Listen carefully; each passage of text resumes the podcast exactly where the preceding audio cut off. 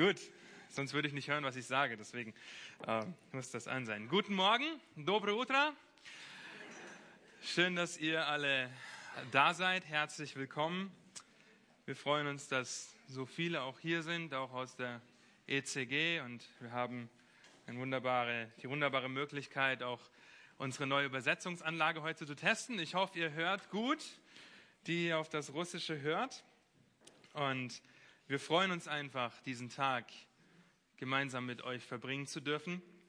Auch herzliche Grüße von Dieter, unser Mitältester Dieter Borchmann. Er liegt leider mit einem Bandscheibenvorfall im Bett, fällt daher dieses Wochenende aus. Ihr werdet ihn also nicht sehen, aber er wird, so Gott will, die Verkündigung des Wortes sehen. Wir haben auch einen Online-Livestream heute als Video das erste Mal. Also Viele, viele erste Male.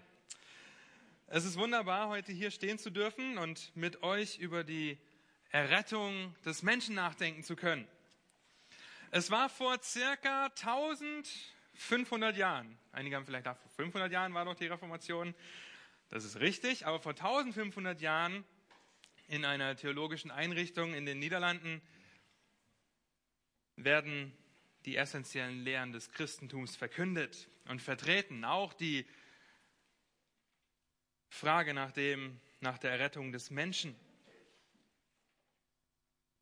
Aber in den Jahren hinterfragten immer mehr Pastoren oder Professoren diese Lehre.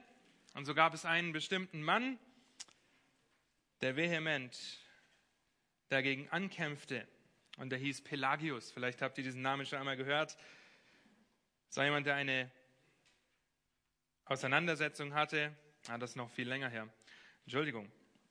Ja, Pelagius ist im 5. Jahrhundert, nicht vor 1500 Jahren, schon, ah, okay, fast, doch, wir haben erst 2000. Ja, 1500 Jahre, Entschuldigung. Pelagius, er war ein Mönch, der eine Auseinandersetzung hatte mit Augustinus. Wir alle kennen den Namen Augustinus, einem gelehrten Theologen seiner Zeit. Und Pelagius ging davon aus, dass der Mensch gut sei während Augustinus davon ausging, dass der Mensch völlig verdorben und unfähig sei. Und diese Auswirkungen von, dieser, von diesem Zwiespalt, von diesem Disput, die spüren wir heute noch. Und so ist die grundlegende Lehre der Schrift über die Errettung des Menschen heute in vielen Gemeinden weniger weit verbreitet. Und deshalb wollen wir uns heute mit der Errettung des Menschen beschäftigen und was die Bibel dazu sagt. Nicht, was, meine, was mein Denken ist oder wie ich das gerne hätte, sondern was Gottes Wort sagt. Einige Jahre nachdem Augustinus gestorben war, also vor 500 Jahren, er ist schon länger tot, aber vor 500 Jahren hat ein Mönch, Mönch die Gelegenheit genutzt, seine 95 Thesen zu posten an die Schlosskirche in Wittenberg. Und so wurde die Reformation ausgelöst. Luther, Calvin, Zwingli, viele weitere Reformatoren haben aufs Neue entdeckt, was es mit Sünde auf sich hat und wie es sich auf Gottes Gerechtigkeit, Gnade und den Grund der Errettung auswirkt. Und die Diskussion um diese grundsätzlichen Lehren der Schrift die sich immer wieder um die Frage der Rettung des Menschen dreht. Die findet sich, ihr habt das vielleicht auch schon einmal gehört, in den fünf Punkten des Calvinismus wieder. Jetzt denkt ihr, oh nein, jetzt werden wir die fünf Punkte des Calvinismus durchgehen. Wir werden da durchgehen, weil diese Punkte so essentiell sind. Auf der anderen Seite müssen wir auch deutlich sagen, dass wir nicht in allen Bereichen mit Calvin auf einer Seite stehen, sondern wir halten uns an die Schrift und wir finden genau das auch in der Schrift. Im Englischen ist es das wunderbare Akronym TULIP, also Tulpe. Und im Deutschen, da muss ich kurz spicken, habe ich gestern noch einen äh, Spickzettel von einer Esranerin bekommen. Ähm, Im Deutschen Joe Frick, ihr alle kennt ihn vom Hörensagen von WDL, der hat diese fünf Punkte versucht, ebenfalls in ein Akronym zu binden.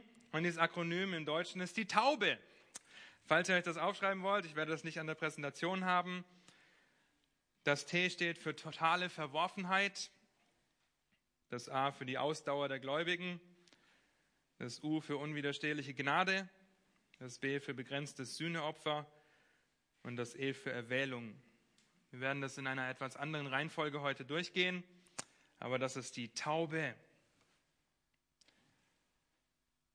Und ich hoffe, dass ihr jetzt nicht von euren Plätzen aufspringt und den Raum wieder verlasst, weil wir für totale Verdorbenheit nachdenken werden oder für die Erwählung, sondern dass wir ermutigt werden durch die Schrift, wenn wir auf Gottes Wort schauen und einfach erkennen können, wie Gottes Wort über die Errettung des Menschen redet. So hoffe ich, dass wir angespornt werden, dass wir ermutigt werden, dass wir vielleicht überführt werden, wenn wir uns mit der Errettung des Menschen beschäftigen. Und deshalb lasst mich beten und dann werden wir anfangen mit dem ersten Vortrag, wieso Gott rettet. Herr, und du bist ein großer Gott und wir loben und preisen dich dafür, dass wir heute hier sitzen und stehen dürfen, dass wir dein Wort betrachten dürfen und dich groß machen können. Ich bete, dass du Gnade schenkst zum Reden und zum Hören, um deiner Ehre willen, Herr. Amen. Ich hoffe, dass das mit der Präsentation funktioniert. Jawohl, sehr schön. Wisst ihr, wie Eskimos Wölfe fangen? Beziehungsweise einen Wolf töten? Wer es weiß, der ist wirklich gut informiert. Ich musste das selber erstmal recherchieren. Sie nehmen das Blut eines Seelöwen und kippen es in einen Eimer. Danach tauchen sie ein Messer in diesen Eimer, lassen das Messer kurz draußen liegen. Ihr wisst, bei Eskimos ist es kalt, da dauert es nicht so lang. Und das Blut friert am Messer fest. Diesen Vorgang wiederholen sie fünfmal, sechsmal, bis wirklich ein Seelöwenlutscher daraus entsteht, ein Seelöwenblutlutscher. Und dann nehmen sie dieses Messer und stecken es mit der Klinge nach oben in den Schnee und warten. Und warten, bis ein Wolf kommt, weil er das Blut riecht. Sie warten und dann kommt der Wolf. Und der Wolf riecht das Blut, kommt an diese Stelle und sieht diesen wunderbaren Seelöwenblut-Lutscher und fangen an daran zu lecken. Und sie fangen daran an zu lecken und sie lecken immer weiter, lutschen diesen Lutscher immer weiter und ihre Zunge wird taub, weil es gefrorenes Eis ist, bis das ganze Blut weg ist. Aber nicht, dass sie dann aufhören zu lecken, weil sie haben ja kein Gefühl mehr in der Zunge, sondern sie lecken einfach weiter und weiter und weiter, bis sie selbst verblutet sind.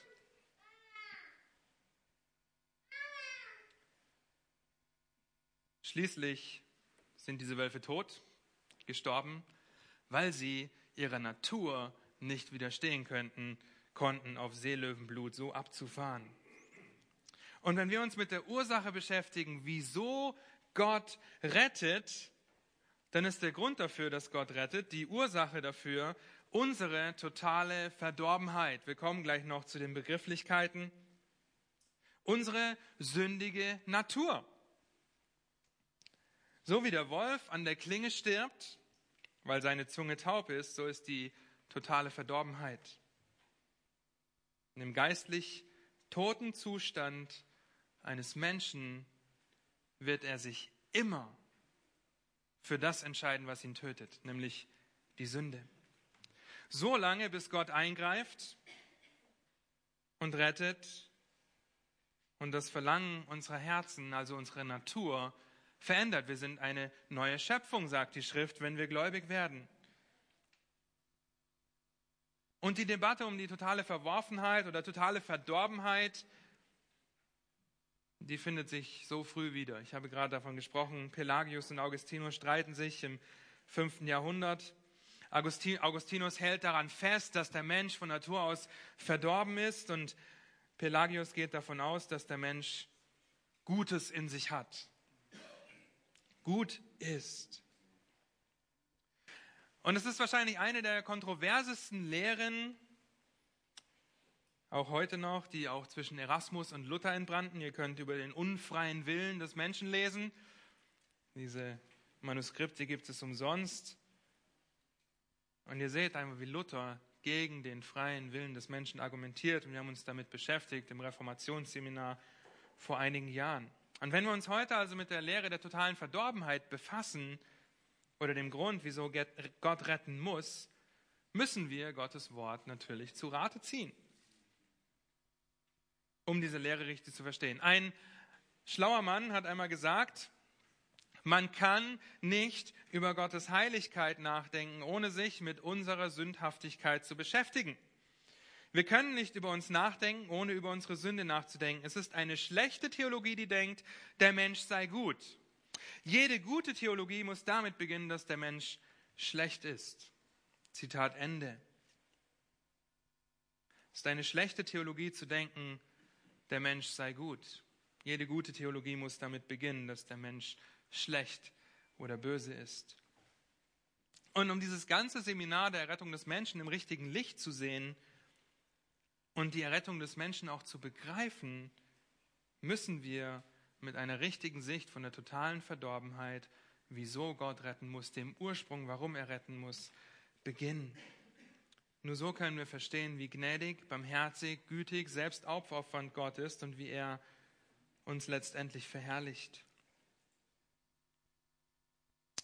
Nun so wie schon zu Zeiten von Erasmus und Luther ist das Denken auch heute weit gestreut, das davon ausgegangen ist, dass der Mensch in seinem Innersten eigentlich doch ganz gut ist und gar nicht verdorben. Und ich möchte mit euch drei falsche Ideen anschauen über diese totale Verdorbenheit. Die erste Idee ist, dass der Mensch im Innersten gut ist. Dem entspringt das Ganze. Diese Sicht ist aber gefährlich, weil sie vorschlägt, dass man den Mensch aus menschlicher Perspektive beobachten und einschätzen muss. Sie gründet sich auf empirische Beobachtung menschlichen Verhaltens. Und die Schwierigkeit ist damit, dass erstens der Mensch letztendlich festlegt, was jetzt gut und moralisch ist, ohne die Motivation zu hinterfragen. Und zweitens es herausfordernd ist, die Konsequenzen verschiedener Alternativen zu betrachten.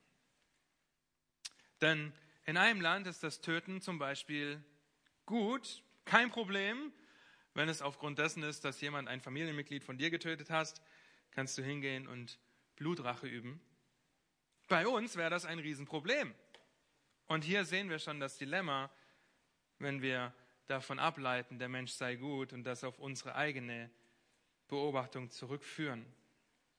Denn gut wird im menschlichen Sinne relativ definiert. Eine weitere Idee ist, dass die guten die schlechten Taten überwiegen. Also, ja, vielleicht bin ich gar nicht so gut, aber ich muss nur genug gute Sachen tun. Das überwiegt ja das Schlechte, etwas Externes. Nun, das Problem hier ist, dass die Möglichkeit ignoriert wird, dass eine einzige böse Tat alle guten Taten überwiegt, egal wie viele man auch tut. Und ihr Lieben, wir, wir denken hier vielleicht sofort an die katholische Kirche oder an andere Religionen, die durch Werke in den Himmel kommen und die ständig hoffen und beten, dass sie mehr gute als böse Werke tun. Aber uns erwischt dieses Denken oft auch. Und wir müssen uns hinterfragen, weil wir uns oft sagen, ach, so schlecht sind wir doch gar nicht. Wir sind doch nicht so schlecht wie die ungläubigen Menschen um uns herum. Eigentlich sind wir doch ganz gut. Nun, wir müssen aufpassen, denn das Gute im Menschen das gibt es nicht, es sei denn, Gott rettet aus Gnade. Aber unerrettete Menschen haben nichts Gutes in sich. Die dritte Idee, die ich kurz mit euch betrachten müsste, möchte, ist, dass der Sünder in der Lage ist, den ersten Schritt im Glauben zu machen. Das heißt, der Sünder entscheidet sich für Gott, Gott sieht das und rettet dann. Das heißt, der Urheber unserer Errettung ist nicht Gott, sondern der Mensch, der den ersten Schritt tut. Und Gott reagiert nur mit einer göttlichen Antwort. Nun, das Problem mit dieser Ansicht ist, dass die totale Verdorbenheit oder die Lehre der Erbsünde nicht konsequent angewandt wird. Da der Mensch ja irgendwie in der Lage ist, den ersten Schritt zu machen. Eine andere Problematik mit dieser Idee ist, dass Gott nicht der Urheber der Errettung ist, sondern nur derjenige, der auf die Entscheidung des Menschen reagiert. Und diese Sicht ist weit verbreitet. Sie geht davon aus, dass Gott, der ja souverän über die ganze Zeit herrscht, in den ewigen Zeittunnel geschaut hat und gesehen hat, wer sich für ihn entscheidet und dann auch sagt, okay, die nehme ich. Wir werden im nächsten Vortrag darüber hören, wen Gott rettet. Und ich hoffe, dass wir überführt werden, dass wir erkennen, dass der Mensch völlig unfähig ist, sich selbst zu retten. Völlig unfähig, diesen ersten Schritt zu gehen. Aber was ist dann totale Verdorbenheit? Ich möchte euch eine Definition geben. Als erstes ist wichtig zu verstehen, was totale Verdorbenheit nicht ist und nicht bedeutet, denn allzu schnell gehen wir davon aus, totale Verdorbenheit heißt, dass der Mensch nur die schlimmstmöglichen Sünden begeht. Hitler war total verdorben, Stalin war total verdorben, irgendwelche kannibalistischen Menschenfresser sind total verdorben, aber sonst sind alle Menschen eigentlich nicht so total verdorben. Es bedeutet eben nicht, dass der Mensch immer die schlimmstmöglichen Taten begeht. Es bedeutet auch nicht, dass die sündige Natur immer total oder völlig ausgelebt wird. Es bedeutet auch nicht, dass Ungläubige nicht in der Lage sind, freundlich zu sein oder Ehrerbietung darzubringen. Es bedeutet auch nicht, dass unerrettete Sünder nicht in der Lage sind, Schönheit, Ehrlichkeit, Höflichkeit oder Güte wahrzunehmen und zu schätzen. Nein, totale Verdorbenheit ist die Tatsache, dass wir in Adam völlig unfähig sind, das Richtige zu denken, zu tun oder überhaupt danach zu verlangen. Totale Verdorbenheit nimmt den gesamten Menschen ein. Sein Herz, sein Denken, seine Persönlichkeit, Emotionen, sein Gewissen, Motive und seinen Willen. Es gibt absolut nichts Gutes, was ihn dazu bewegt, nach Gott zu fragen. Geschweige denn sich dafür zu entscheiden oder etwas zu erwirken, was Gott zufriedenstellt. Unerrettete Sünder sind unfähig, den Gott der Bibel wirklich zu lieben. Absolut unfähig. Sie sind unfähig, Gott zufriedenzustellen oder ihn zu suchen. Totale Verdorbenheit bedeutet, dass Sünder absolut keine Möglichkeit haben, geistlich Gutes zu tun oder zu ihrer Rettung selbst etwas beizutragen. Sie haben keine Fähigkeit. Hört auf 1. Korinther, Kapitel 2. Da schreibt Paulus in Vers 14, der natürliche Mensch aber nicht, nimmt nicht an, was vom Geist Gottes ist, denn es ist ihm eine Torheit. Und er kann es nicht erkennen, weil es geistlich beurteilt werden muss. Der unerrettete Mensch kann Gott und sein Evangelium nicht begreifen, geschweige denn sich irgendwie eine gute Stufe im Himmel erarbeiten. Keine Chance.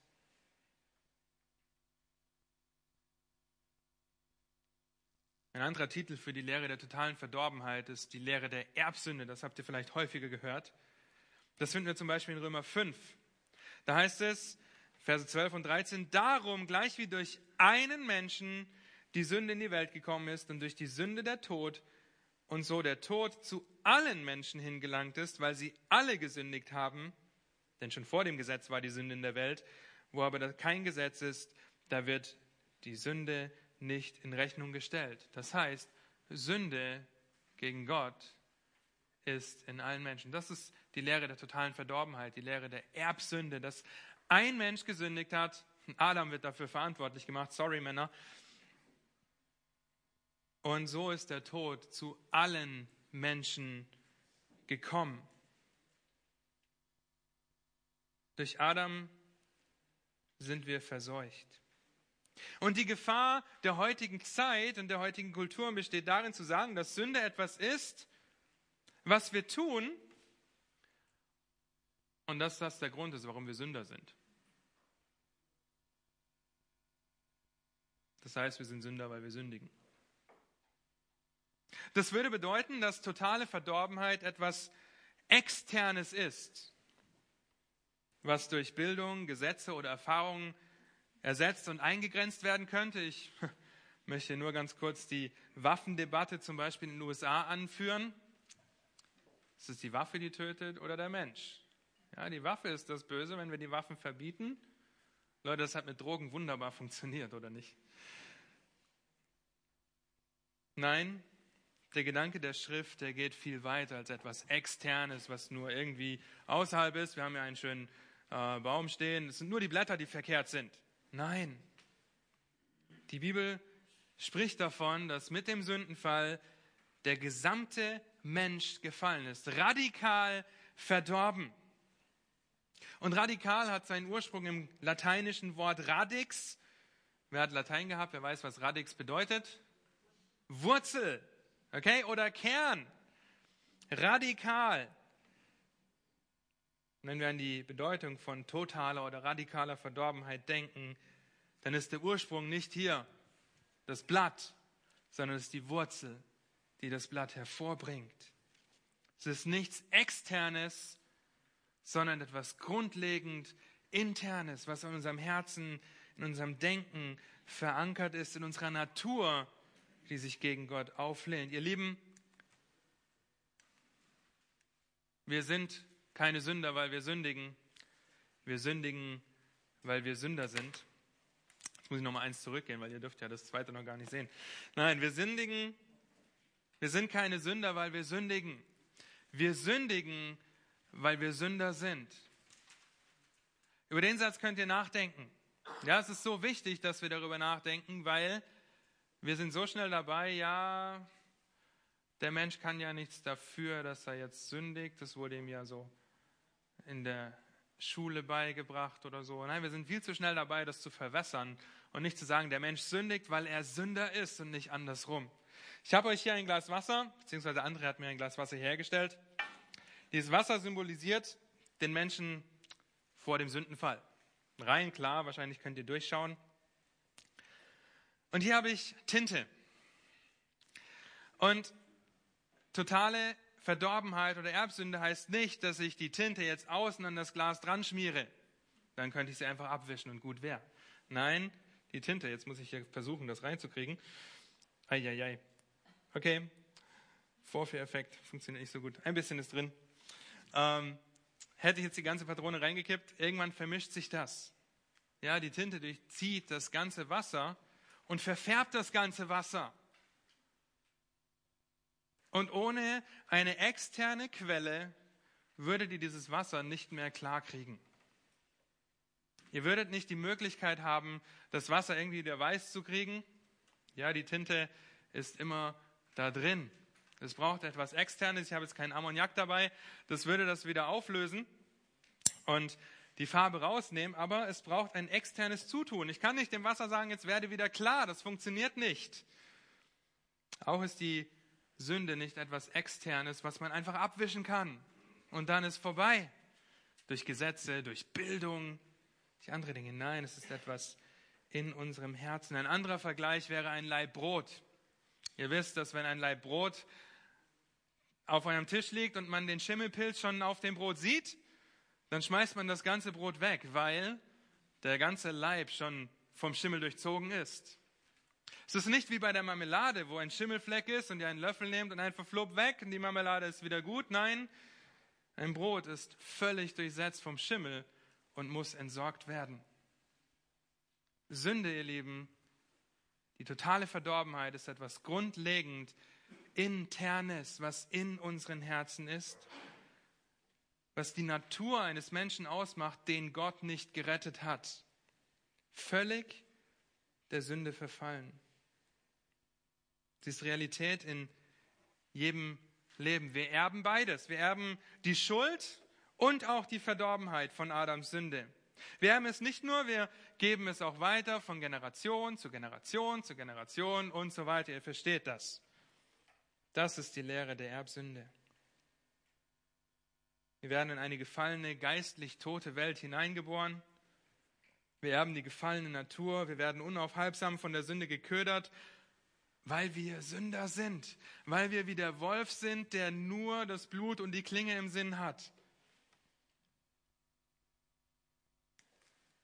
Und wir haben Lust auf Sünde in unserer Verdorbenheit.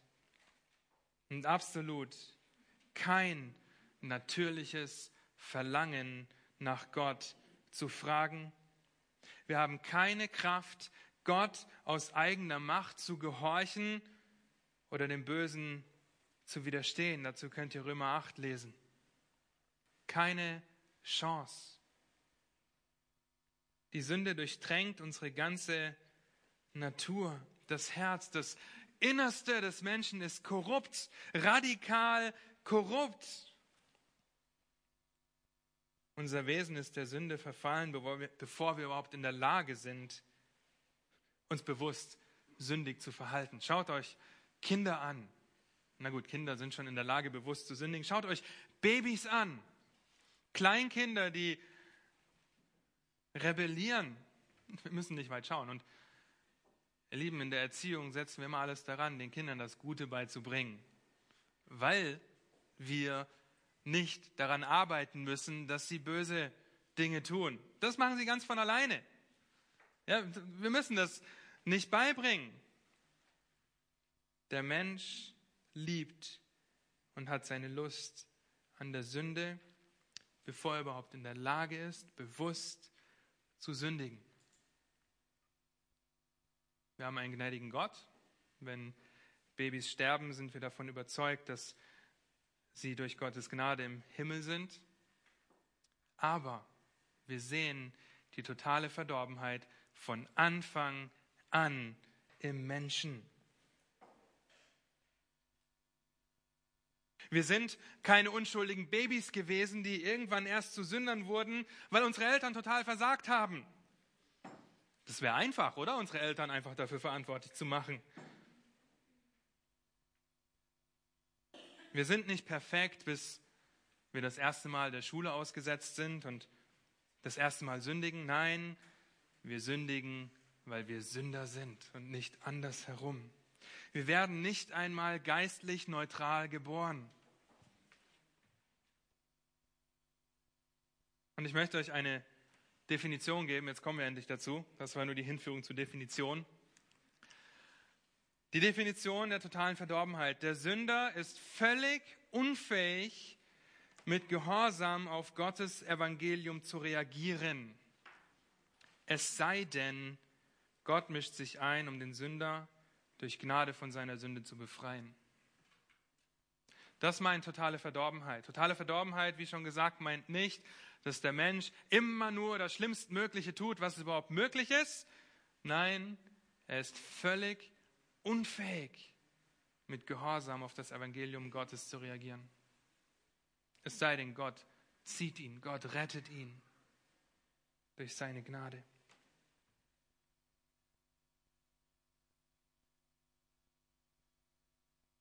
Wo finden wir das in der Schrift? Nun, gleich in 1. Mose spricht Gott davon, dass der Mensch gewiss sterben muss, wenn er von dem Baum der Erkenntnis isst. Getrennt sein von Gott, geistlicher, aber auch körperlicher Tod. Andere Umschreibungen dieser totalen Verdorbenheit, die wir in der Bibel finden, sind Herzenshärte, Feindschaft, unheilbare Krankheit, Blindheit, Finsternis, Getrenntsein, Sklaverei und Unverständigkeit. Es ist ein Zustand, der so gewaltig ist, dass kein Sünder auch nur den Hauch einer Chance hat, seinen Zustand zu überwinden. Lasst uns einige Stellen anschauen und wir fangen bei Null an. Ich habe euch nur hier die Stellenangaben aufgeschrieben. Wir fangen bei Null an. Psalm 51 schreibt David, das ist ein Bußpsalm, als Nathan ihn seiner Sünde mit Bathseba überführt. Und da schreibt er in Vers 7, siehe, in Schuld bin ich geboren und in Sünde hat meine Mutter mich empfangen. Das bedeutet nicht, dass seine Mutter Ehebruch begangen hat, als er entstanden ist.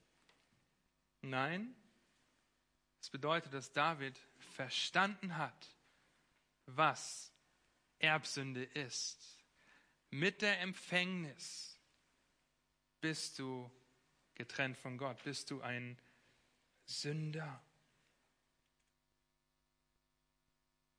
Oder Jeremia 17, Vers 9, diesen Vers kennt ihr sehr gut.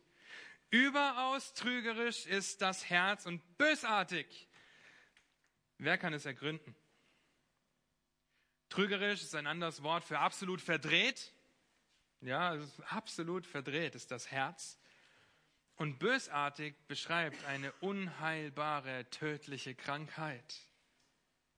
Lieben, wir durften in den letzten Monaten und Jahren mitkriegen, was es bedeutet, wenn ein Körper vom Krebs, vom tödlichen, unheilbaren Krebs zerfressen wird.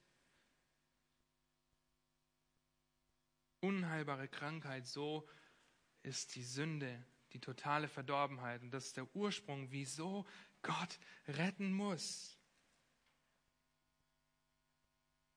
1. Könige 8, Vers 46 bestätigt das. Da heißt es, wenn sie gegen dich sündigen, ja, spricht äh, ein Prophet.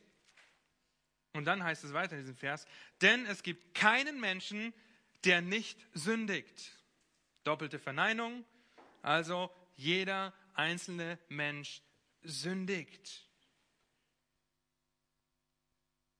Und Gott muss Sünder strafen. Wir sagen so oft, er hasst die Sünder, aber er liebt den Sünder. Aber ihr Lieben, der Sünder wird ohne Gottes Gnade in der ewigen Hölle sein, weil Gott auch den Sünder nicht dulden kann. Er muss ihn strafen oder er muss ihn freisprechen.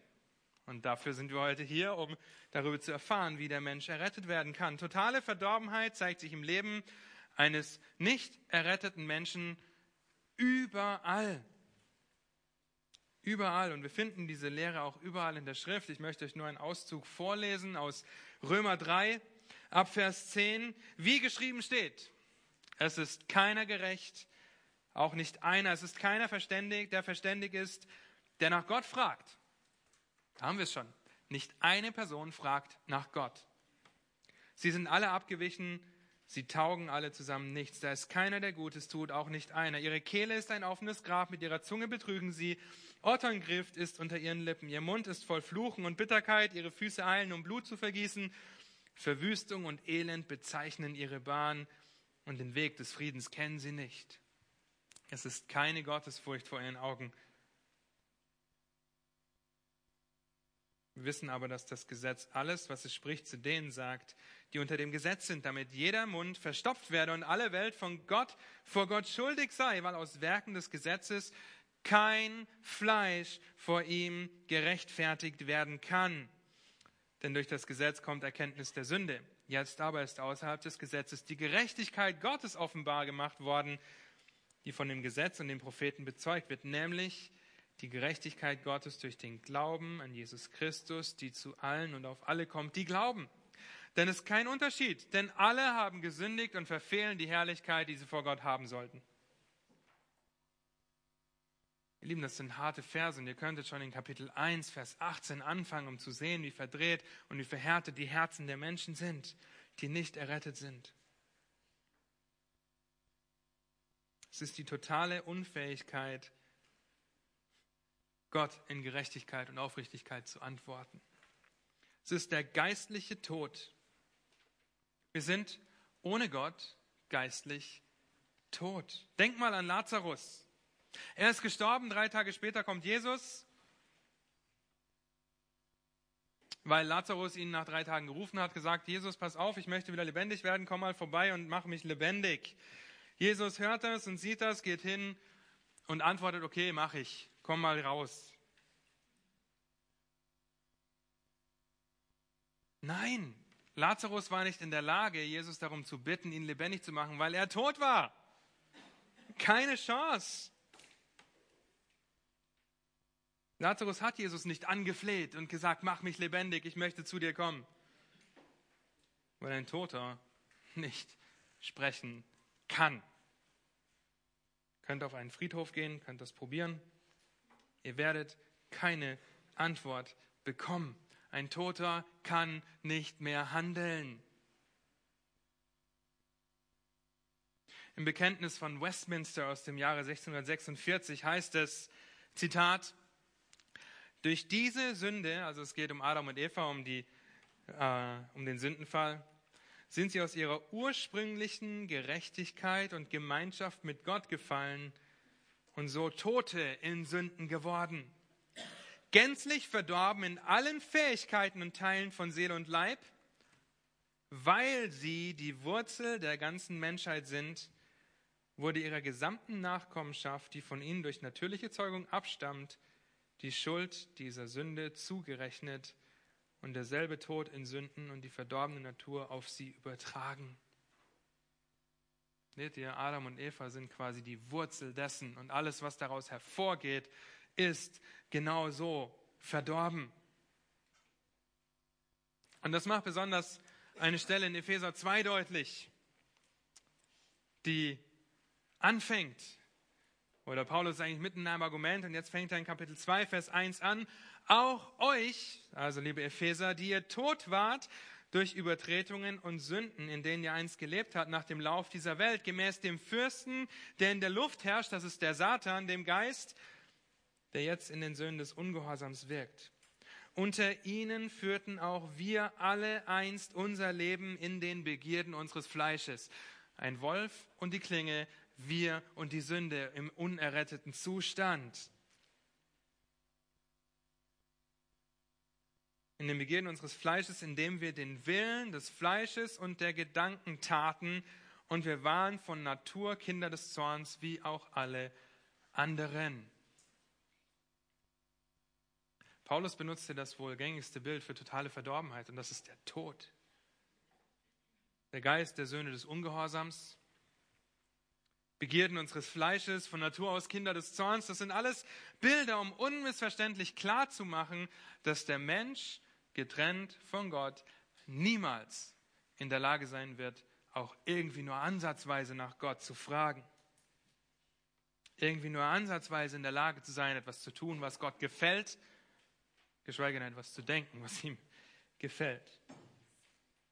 Es ist dem Menschen nicht einmal zu 0,00000, ich könnte den ganzen Tag mit Nullen weitermachen, ein Prozent möglich, sich Gott zuzuwenden. So wie es für einen Toten unmöglich ist, wieder zum Leben erweckt zu werden. Es sei denn, Gott greift ein. Es sei denn, Gott rettet. Warum? Weil wir geistlich tot sind, wenn wir nicht errettet sind, weil wir Söhne des Ungehorsams sind und nicht Söhne der Gerechtigkeit, weil wir Sklaven der Sünde sind und nicht Sklaven der Gerechtigkeit, weil wir den Begierden des Fleisches folgen und nicht dem Geist Gottes. Ein paar Begierden des Fleisches, die wir sehen können, Galater 5, offenbar sind aber die Werke des Fleisches, welche sind Ehebruch, Unzucht, Unreinheit, Zügellosigkeit, Götzendienst, Zauberei, Feindschaft, Streit, Eifersucht, Zorn, Selbstsucht, Zwietracht, Parteiungen, Neid, Mord, Trunkenheit, Gelage und dergleichen, wovon ich euch voraussage, wie ich schon zuvor gesagt habe, dass die, welche solche Dinge tun, das Reich Gottes nicht erben werden. Ihr Lieben, in dieser Liste finden wir uns alle irgendwo wieder. Und wir kämpfen auch heute noch so sehr gegen unser Fleisch gegen die Begierden des Fleisches. Wir kämpfen heute noch mit der Sünde, auch wenn wir errettete Sünder sind, wenn du gläubig bist. Aber wir finden uns in dieser Liste wieder im unerretteten Zustand. Wer von euch war noch nie zornig? Keine Hand hebt sich, das ist gut, sonst dürftet ihr danach in die Seelsorge kommen. Meine Lieben, und wer schon einmal zornig war, der ist nach Jesu Definition ein was? Ein Mörder. Wenn du eine Frau oder einen Mann nur mit lüsternen Blicken anschaust, bist du ein Ehebrecher. Und so finden wir uns in dieser Liste wieder. Und der Mensch ist völlig unfähig, absolut nicht in der Lage, das Reich Gottes zu erben, es sei denn, Gott macht ihn zu seinem Kind. Der Mensch ist von Natur aus sein innerstes Wesen, sein Kern, seine Wurzel, sein Herz. Er ist ein Kind des Zorns. Und ein Kind des Zorns hat nichts anderes verdient als den Zorn Gottes. Weil ein Kind des Zorns ein Feind gegen Gott ist. Kolosser 1, Vers 21. Auch euch, die ihr einst entfremdet und feindlich gesinnt wart, in den bösen Werken, heißt es da. Ein Sünder ist ein Feind Gottes. Sündige Wünsche, Begierden und Lüste verschärfen den Hass gegenüber Gottes Gesetz nur noch mehr. Und das ist immer die Motivation des total verdorbenen Menschen. Römer 7, Vers 5. Denn als wir im Fleisch waren, da wirkte in unseren Gliedern die Leidenschaften der Sünde, die durch das Gesetz sind, um, den, um, dem, Turch, um, um dem Tod Frucht zu bringen. Die Leidenschaften der Sünde wirken in unseren Leibern und das ist immer diametral entgegengesetzt zu dem, was Gott möchte. Feindschaft Gottes. Jeder Aspekt unseres Wesens als unerrettete Kinder des Zorns ist von Sünde durchtrieben, korrumpiert, absolut böse, durch und durch. Verstehen wir das? Begreift ihr das, wie verdorben der Mensch eigentlich ist? Begreifen wir, dass der Verstand des Menschen verfinstert ist und sie dem Leben Gottes wegen ihrer Unwissenheit entfremdet sind? Was auf die Verhärtung ihrer Herzen zurückzuführen ist? Römer 1.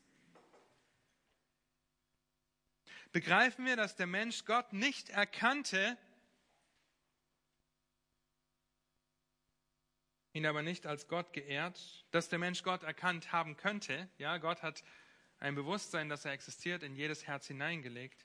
Aber wir haben erkannt und sehen, dass der Mensch Gott erkannte, ihn aber nicht als Gott geehrt und ihm gedankt hat, sondern in seinen Gedanken dem nichtigen Wahn verfallen ist und sein unverständiges Herz verfinstert wurde. Das ist Römer 1, das andere war Epheser 4, Vers 18.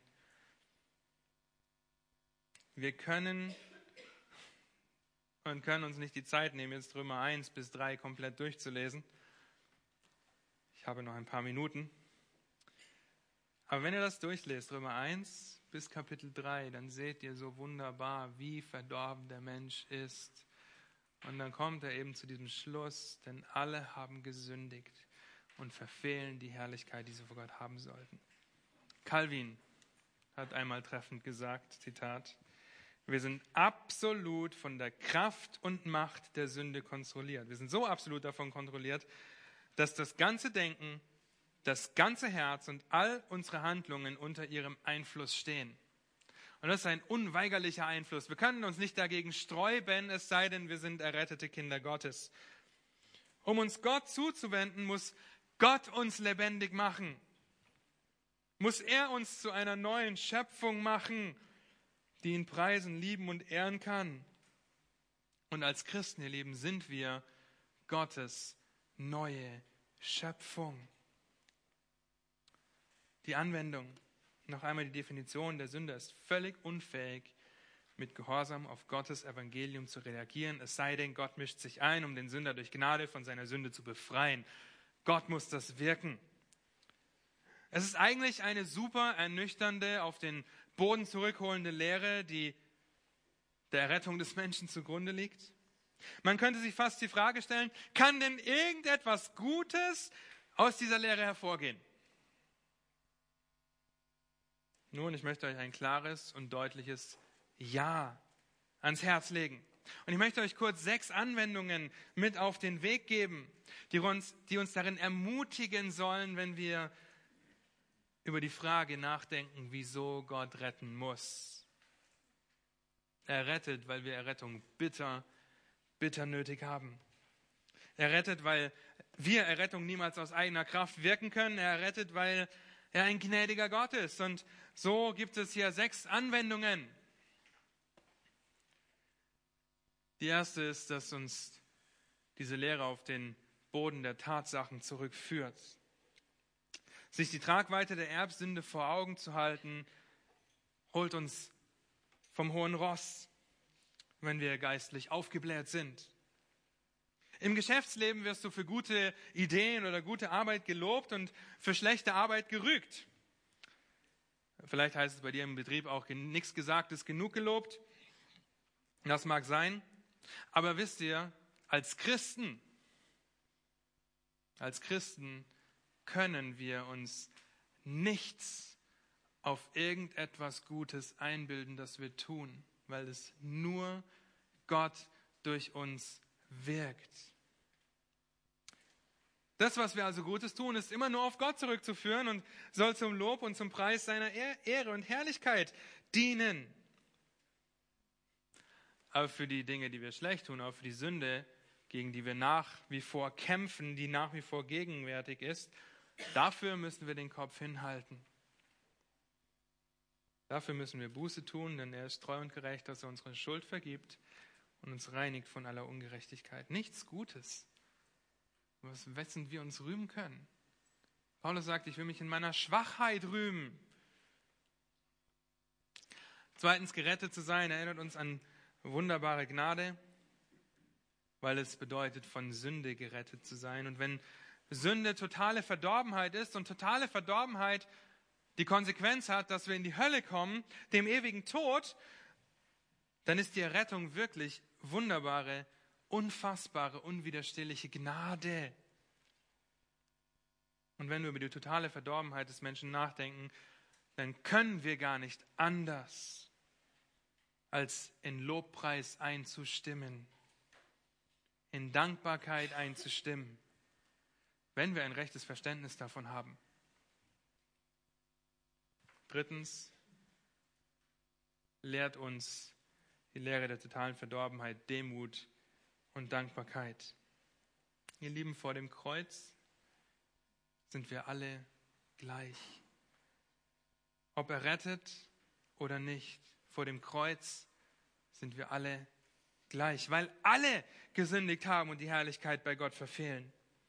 Und wenn wir über die Lehre der totalen Verdorbenheit oder der Erbsünde nachdenken, dann sollte uns das demütig und dankbar machen. Und keine Gruppe auf dieser Welt sollte so demütig und sanftmütig sein wie diejenigen, die das Evangelium verkündigen. Denn wir sind nur Tongefäße, die zerbrechbar, ersetzbar und hässlich sind. Und deshalb, wir alle sind Verkündiger des Evangeliums, wenn wir Kinder Gottes sind. Sind wir demütig und dankbar dafür? Tun wir das mit einer Sanftmut, weil der Mensch geistlich tot ist und Gott ihn erretten muss und Gott das an uns hat sichtbar werden lassen, was das bedeutet, von totaler Verdorbenheit und der Konsequenz davon errettet zu sein? Lasst uns demütig sein, wenn wir das Evangelium verkündigen, vor allem dann, wenn Menschen durch deine Verkündigung zum Glauben kommen. Es ist Gottes Gnade. 4 bis 6. Ein richtiges Verständnis der Lehre der totalen Verdorbenheit ist die Grundlage für die Errettung des Menschen.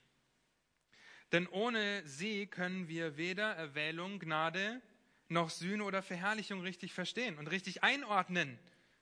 Und deshalb sitzen wir uns heute hier und beginnen mit dieser krassen Lehre, sage ich mal, die sich vielleicht sehr hart und schmerzhaft anhört, wenn ihr an ungläubige Freunde, Bekannte und Verwandte denkt. Wir müssen das richtig verstehen, um die Errettung des Menschen richtig zu verstehen. Vielleicht ist dir das auch unangenehm, weil du stolz darauf bist, was du alles errungen hast. Lieben, wenn wir nicht an die totale Verdorbenheit und die absolute Unfähigkeit des Menschen glauben, auch nur irgendwie, irgendwie den ersten Schritt zu Gott zu machen. Wenn du das nicht glaubst, dann werden die weiteren Vorträge dieses Seminar nicht wirklich relevant für dich sein, weil du kannst ja aus eigener Kraft gerettet werden. Fünftens, sie zerstört die Selbstanbetung und den Stolz des Sünders. Eine biblische Sicht der totalen Verdorbenheit greift die Selbstanbetung des Sünders an, zerstört seine Sicherheit, setzt am Stolz an und zerbricht seine Sicherheit in Religion oder vermeintlicher Geistlichkeit. Sie zerquetscht ihn unter dem Gewicht des Gesetzes Gottes und lässt ihn seine Schuld vor Gott erkennen, wenn Gott Gnade schenkt.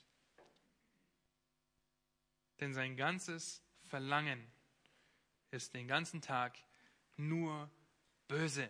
Das hat Gott über den Menschen vor der Sinnflut gesagt. Es ist die Lehre, die den Sünder dazu aufruft, sich selbst und die Sünde zu hassen. Das ist die Botschaft, die Gott dazu gebraucht, um den Sünder zur Buße zu führen, durch seine Gnade zu erretten. Wir müssen diese Lehre in der Evangelisation anwenden. Wir können nicht einfach sagen, ja, Gott liebt dich so, wie du bist. Nein! Gott möchte, dass du Buße tust, auf deine Knie fällst und deine Sünde hast. Aber das geht nur, wenn Gott dich rettet. Nein, Gott liebt dich eben nicht so, wie du bist. Er möchte uns immer mehr in das Bild seines Sohnes verwandeln.